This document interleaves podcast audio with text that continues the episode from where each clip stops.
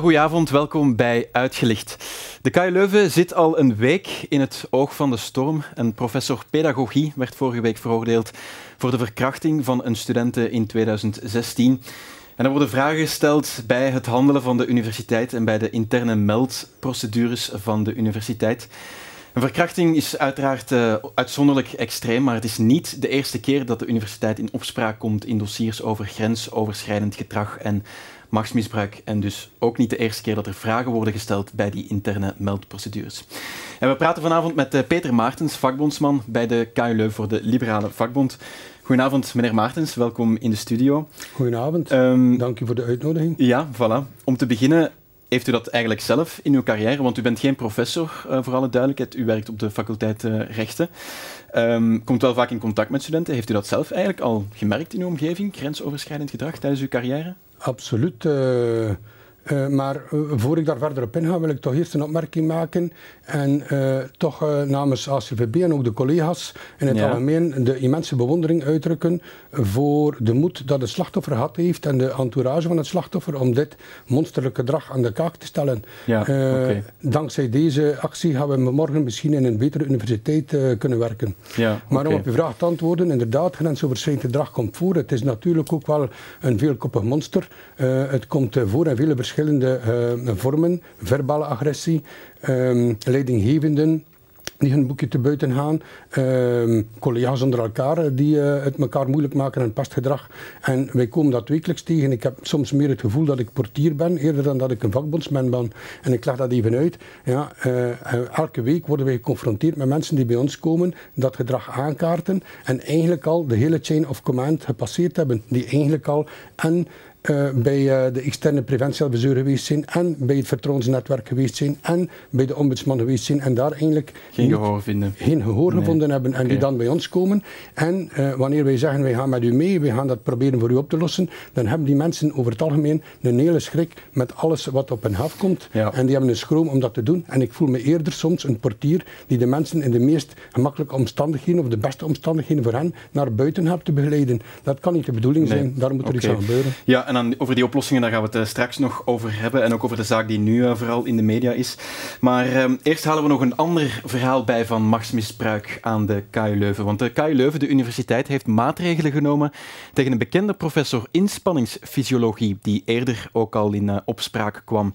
De universiteit ontzet hem uit al zijn leidinggevende functies. En dat dus nadat er al jarenlang meldingen waren binnengekomen over hem, over machtsmisbruik. Hier op het sportkot is hij een bekende prof. Al zeker tien jaar lopen er tegen hem klachten binnen. Verschillende medewerkers getuigden eerder dit jaar in een uitzending van het VRT-programma Pano en spraken over een angstcultuur. De KU Leuven heeft nu maatregelen genomen, zegt de advocaat van enkele mogelijke slachtoffers. Het is eigenlijk zo dat men uh, maatregelen heeft genomen die ervoor gezorgd hebben dat uh, de persoon in kwestie minder of zelfs helemaal niet in contact komt met de medewerkers of met andere personen, zodanig dat die persoonlijke relatie dan ook niet onderhevig kan zijn aan de zaken die vroeger wel gebeurd zijn. En die zaken, dat waren verbale agressie, intimidatie en pesterijen. De afgelopen maanden deed een extern preventiebureau een analyse en op basis daarvan besloot de KU Leuven de maatregelen te nemen. In een document dat onze redactie kon inkijken staat het zo. De kern van deze maatregelen impliceert dat de professor geen leidinggevende functie meer kan uitoefenen tot aan zijn emeritaat en bijgevolg geen onderzoeksactiviteiten, testen of dienstverlening meer kan aansturen waarvoor de inzet van medewerkers is vereist. De prof gaat over enkele jaren met emeritaat. De maatregelen kunnen nog verfijnd worden, staat in het document, maar het gedrag zal zich niet meer herhalen, maakt de KU Leuven zich sterk. Zoals van al haar personeelsleden verwacht de universiteit dat de professor zich onthoudt van commentaren over de universiteit en haar ex-personeelsleden, die hen onterecht in een slecht daglicht stellen en of een negatieve impact hebben op hun reputatie. Dit werd ook zo uitdrukkelijk benadrukt tegenover de professor. De slachtoffers waren vooral boos op de KU Leuven, omdat er na jaren van meldingen niets leek te gebeuren. De ombudsdiensten waren al jaren op de hoogte en zeker eind 2019 ook de rector. Toch duurde het nog lang voor er een tuchtprocedure werd opgestart. Zolang dat de prof in kwestie eerder dit jaar werd vrijgesproken, omdat de feiten verjaard zouden zijn. Nu zijn er maatregelen, maar het duurde dus lang. Als we weten dat uh, tegen de welbepaalde professor al sinds 2010 bepaalde klachten werden geformuleerd, wees het informeel, maar daarom niet minder geloofwaardig of niet minder bruikbaar om een bestaand probleem aan te pakken, ja, dan kan ik toch maar één ding zeggen, dat is dat het ongelooflijk lang geduurd heeft vooraleer daar echt gevolg aan gegeven heeft. En dat lijkt mij nooit goed. De betrokken professor bood begin dit jaar al zijn excuses aan via de media. De mogelijke slachtoffers zelf kregen die tot vandaag niet persoonlijk. De KU Leuven herhaalt in het document dat ze in deze zaak geen fouten heeft gemaakt. Mussen zegt dat er een extern meldpunt moet komen. De ombudsman is nu vaak ook een prof die de prof waar klachten over zijn vaak persoonlijk kent. Dus die afstand is nodig om te kunnen echt neutraal en onpartijdig en ongehinderd uh, door persoonlijke contacten of persoonlijke uh, relaties te kunnen handelen. En dat is toch wel nodig gebleken. En dus is dat extern onafhankelijk uh, meldpunt wel zeer aan de orde, lijkt mij. Dat meldpunt zou er in de zomer van volgend jaar zijn. Ja, meneer Maartens, het duurde lang in dit geval, vooraleer er maatregelen waren. Uiteindelijk zijn er nu wel. Toont dit dan misschien toch niet een beetje aan dat de procedures waar die u daarnet beschreef, die niet lijken te werken, wel werken in sommige gevallen? Of in de meeste gevallen? Wel, ik denk uh, dat uh, uh, er toch een aantal oplossingen moeten komen naar de toekomst toe. En dat we hier nog een keer met de feiten op de neus gedrukt worden. Wat de echte fouten zijn die hier aanwezig zijn. Het heeft veel te lang geduurd. Tegen, vooraleer dat men eigenlijk tot bepaalde oplossingen gekomen is. Het heeft veel te lang geduurd. en waarom duurt dat veel te lang? Misschien kunnen we even ingaan op de systeemfouten. Ja, wat zijn die dan volgens u? Wel, in de eerste plaats worden we geconfronteerd met een cultuur, ons kent ons. Ja, je moet begrijpen, uh, die uh, proffen uh, die uh, willen artikels schrijven en om die artikels te publiceren moeten die gereviewd worden door mensen binnen hun eigen domein. Om benoemd te worden en bevorderd te worden, moeten die beoordeeld worden. Dus ze hebben elkaar heel erg nodig. Absoluut. Ja, uh, bijvoorbeeld een decaan wordt benoemd. Er zijn maar enkele mensen die in aanmerking komen om decaan te worden en morgen wordt er een ander decaan benoemd. Dus het is een zekere grote terughoudendheid om elkaar op de vingers te tikken wanneer over de schreef gegaan wordt. Ten tweede, ja, een belangrijk probleem dat is dat er eigenlijk een echte, ware feodale structuur heerst. Dat zijn niet mijn woorden, dat zijn de woorden van onze pedagoog waar u naar verwezen hebt gisteren. Feodale structuur, wat bedoelt u daarmee? Wel, het feit dat eigenlijk, uh, KU Leuven drukt dat zelf heel mooi uit door te vertellen dat er een aantal KMO's zijn en dat eigenlijk al die faculteiten KMO's zijn en dat er binnen die faculteiten ook departementen zijn die eigenlijk kleine KMO's zijn, maar in werkelijkheid zouden ze bijna kunnen omschrijven als baronieën die door een baron geleid worden en die dan... En onafhankelijk van de rest uh, maar doen wat ze willen. Onafhankelijk van de rest, dus dat is een groot probleem. een derde probleem, dat is dat het vertrouwensnetwerk waar de mensen zich toe wenden, eigenlijk, en dat wordt ook door die advocaten gezegd, eigenlijk uh, uh, een te weinig uh, slagkracht hebben. Ja, dus het, vertrouwens, het is goed dat wij een laagdrempelig vertrouwensnetwerk hebben en dat werkt ook goed. Maar op het comité Preventie en Bescherming op het Werk, waar het over psychosociaal welzijn gaat, daar zijn de cijfers naar boven gekomen dat een vierde van de mensen die in een vertrouwensnetwerk komt en dan met inbegrip van de ombudsman en met inbegrip van de externe preventieadviseur, dat de mensen die daarin geraken, een vierde daarvan helemaal niet tevreden is met de uitkomst en die eigenlijk niet verder geholpen worden. Dus, ja, dus die doorstroming gebeurt daar ook niet uh, voldoende dan bedoelt en u? dat is eigenlijk ook wel de bedoeling van een vertrouwensnetwerk. Een vertrouwensnetwerk houdt op op het ogenblik dat zij het dossier doorgeven of mogen doorgeven aan de leidinggevende. En dat is nou net het probleem. Wat doet die leidinggevende daarmee? Wat gebeurt er daarmee? En zoals we al zeiden, omwille van die cultuur en omwille van die feodale structuur is dat moeilijk. En een laatste aspect ja, uh, van systeemfout is dat er eigenlijk geen voldoende uh, guidelines zijn voor die proffen, dat zij weten waar ze gaan te houden. Hun academische vrijheid staat voorop en dat uh, herkennen wij. Ja, we zijn er niets mee dat er morgen, uh, zoals in totalitaire structuren, gezegd wordt tegen de proffen wat ze moeten denken en wat ze moeten onderzoeken. Dat willen we niet. We willen die academische vrijheid. Maar academische vrijheid betekent academische vrijheid, uw wetenschappelijke kennis en uw wetenschappelijk onderzoek, maar niet het idee dat je de persoonlijke en fysieke integriteit van iemand anders ja. zomaar kunt aantasten. En die zijn daar onvoldoende tegen gewapend. Die weten niet waar de grens ligt. Ja, oké. Okay. Nu, er is ook nog de andere zaak die de afgelopen dagen heel hard in de media was. Um, gisteren was er dan de voorstelling van dat rapport van de regeringscommissaris, waar toch uit blijkt dat de KU Leuven zelf eigenlijk wel ja, goede stappen heeft gezet in, in die zaak over die verkrachting. Ze hebben eigenlijk zelfs bijna in 2018 na die klacht ja, een ultimatum gesteld aan het gerecht van ja, als jullie niet voortmaken met de zaak, dan gaan wij toch maatregelen nemen, want wij willen maatregelen nemen. Wat, wat had u daar dan anders gedaan? Want daar lijkt eigenlijk de KLeuven Leuven ook wel goede stappen gezet te hebben. Ik neem even dat verslag erbij, ja, met de ja. permissie. Ja.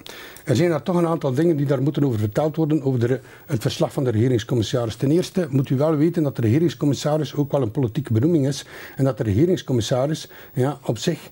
Uh, ik zeg niet dat er hier geen dingen geschreven zijn die niet moeten geschreven zijn, maar de belangrijkste vraag is, wat is er niet geschreven? En misschien is het rapport enigszins te vroeg geschreven, in die zin, het is er heel rap gekomen en dat was ook heel, heel nodig. Er ontbreken dingen, vindt u? Wel, er staan misschien een aantal dingen niet in. Wat bijvoorbeeld in de pers uh, verschenen is en wat er niet expliciet in, staat, dat is inderdaad dat er ook al klachten waren uh, voordien en dat in 2010 zelfs een, uh, een ombudsman een formele aanbeveling gedaan heeft met duidelijke overtredingen die er daar zullen gebeurd zijn, met duidelijke uh, elementen. Die en daar is te weinig gebeurd dan mee, uh, vindt u? Wel, dat is de vraag. Het staat niet beschreven. Ja? En wat er ook in beschreven staat, en ik citeer nu even letterlijk uit het uh, dossier, uit het rapport ja. van de regeringscommissaris, dat de decaan van de faculteit overeenkomstig de interne procedure door de vertrouwensantenne op de hoogte gebracht wordt van een bezorgdheid en zo verder ten aanzien van dat gedrag van die welbepaalde prof. Dit weten we dat dat eind 2016, tenminste begin 2017 gebeurd is.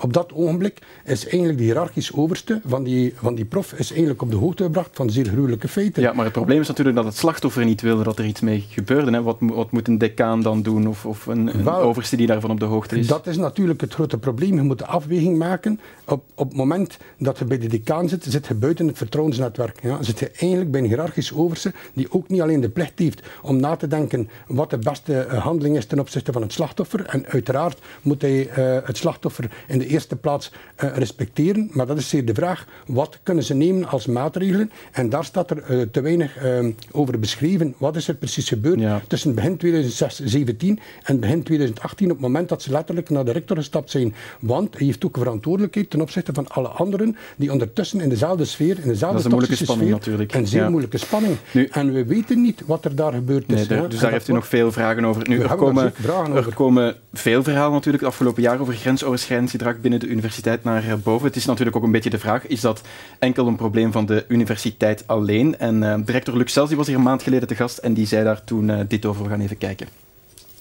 Universiteiten zijn, en we zijn daar niet uniek in, maar het is wel typisch. We zijn natuurlijk uh, organisaties waar er heel specifieke hiërarchische relaties en relaties van afhankelijkheid mm, bestaan. Ja. Een doctoraatstudent ten aanzien van een professor of een student ten aanzien van iemand die examineert. Hè. Dus we moeten daar heel erg waakzaam voor zijn. En dat is ook in een organisatie waar van een rector tot een decaan en een departementsvoorzitter mensen verkozen worden en dus elke vier jaar kunnen veranderen, of althans iemand anders op de stoel kan komen te zitten, een werk dat nooit een einde is. Wij nee. zullen dat, ja, dat aspect van leiderschap, daadkracht, snelle opvolging wanneer zich probleemsituaties voordoen, um, dat, dat zullen we moeten blijven verzorgen. Ja, ik hoor uh, meneer Sels zeggen, specifieke hiërarchische relaties die het bij de universiteit misschien een groter probleem maken. Kan u eens heel kort zeggen, wat, wat bent u een, mee eens? Wat, wat bedoelt hij daar precies mee? Ja, absoluut. Uh, dat is nou net het probleem. Je uh, hebt een uh, prof die aan het hoofd staat van een faculteit, hebt een prof die aan het hoofd staat van een departement. Ja, hebt al de mensen, ten eerste de studenten, die daaraan, die specifieke relatie met de studenten, die al een, een aparte relatie, een hiërarchische relatie. Je hebt ook de relatie met de doctoraatstudenten die eigenlijk niet anders kunnen dan aan die ene persoon gelinkt te zijn. Ja, en hebben bijvoorbeeld die heel afhankelijk zijn van... Uh, absoluut. Ja. En ook het technisch personeel, ja, die niet zomaar van vandaag op morgen een andere job kan ambiëren. Ja, en die dus eigenlijk kan geconfronteerd worden met uh, zo'n hiërarchische relatie waar men niet zomaar kan, uh, uit kan. Ja. ja. Oké, okay. we moeten stilaan afronden, maar kan u misschien nog eens heel kort ook zeggen, er komt nu wel een onafhankelijk onderzoek hè, van de KU Leuven, die, de KU Leuven is zelf gezegd, goed, laten we ons dat onderzoeken wat er misloopt. Er komt een nieuw tuchtreglement. Wat wil u eigenlijk dat er verandert? Ja, er zijn toch een aantal punten die we moeten expliciet uh, toch even vermelden. Ja. ja het uh, externe contactpunt, het externe opvolgpunt, dat had ik al gezegd. Hè. Het moet dat moet er komen, zoals uh, de advocaat Christine Bussen ook voilà, zei. Ja. Dus die heeft dat, maar het moet niet gaan om een meldpunt, het moet, niet louter, het moet echt een contactpunt zijn met een zekere daadkracht, met slagkracht, die effectief kan tussenkomen. Twee, die ook macht hebben die om ook, in te grijpen. Wel, die macht hebben om in te grijpen, in de zin van, die kunnen mee het dossier opvolgen en die in ieder geval kunnen in staat zijn zijn ja, om te maken dat de juiste maatregelen genomen, dat de verlopen maatregelen genomen worden, dat de slachtoffer de communicatie krijgt enzovoort. Twee, men moet ook preventief werken. Preventief werken, ik heb het daar net over gehad, en dat zegt hij eigenlijk ook, hè, we werken aan een tuchtreglement, maar dat is al curatief. Het eerste is, we moeten een gedragscode opstellen en laat het duidelijk zijn, voor de vakbonden aan KU Leuven en zeker voor de liberale vakbond, moet er eigenlijk een, een nultolerantie in staan. Ja, er, Zijn, er zijn bepaalde houdingen ten opzichte van uw studenten, ten opzichte van uw doctoraatstudenten. het is uh, niet denkbaar dat je met studenten ja, op één hotelkamer gaat. Het is niet denkbaar dat je uh, op kot gaat bij de studenten. Dat is eigenlijk niet aanvaardbaar. Ja, kijk dus dat moet beter beschreven worden. Zeker, kijk naar de Amerikaanse universiteiten. Ja, daar hebben ze uh, zo'n duidelijke gedragscode waar dat die nultolerantie in staat. Drie, curatief, dat tuchtreglement, dat is serieus. Maar het tuchtreglement moet heel soepel gemaakt worden. Je moet gemakkelijk kunnen interveneren. Het tuchtreglement zoals dat vandaag bestaat, is geschreven vanuit die academische vrijheid. Het heeft een immens lange uh, procedure, een immens ingewikkelde procedure. Dit moet korter en zeker moet er kunnen korter op de ballen gespeeld worden om voorlopige maatregelen te nemen. Ook in het belang van een mogelijke dader die misschien geen dader was, die er belang bij heeft dat de juiste maatregelen genomen worden. Ja. ja. Okay. Dus, uh, en nog een laatste. Heel kort nog. Ja. Heel kort, de feodale structuur, die moet aangepakt worden. We moeten morgen in een nieuwe universiteit die cultuuromslag moeten gebeuren. Morgen moeten wij een nieuwe universiteit wakker worden waar iedereen met elkaar kan samenwerken. Ja, want het gaat over uh, maatregelen natuurlijk, maar als iedereen zich uh, gedraagt tussen aanhalingstekens, dan is het uh, probleem eigenlijk al een beetje opgelost natuurlijk. Meneer Maartens, mag ik u danken voor uw komst naar de studio. Hartelijk dank. En u thuis, bedankt voor het kijken naar deze uitgelicht. Volgende week zijn we er niet, dan is het herfstvakantie, dan gaan wij er ook even tussenuit. De volgende afspraak is op 10 november om 8 en om 10 uur s avonds, zoals gewoonlijk op donderdag. Graag tot dan.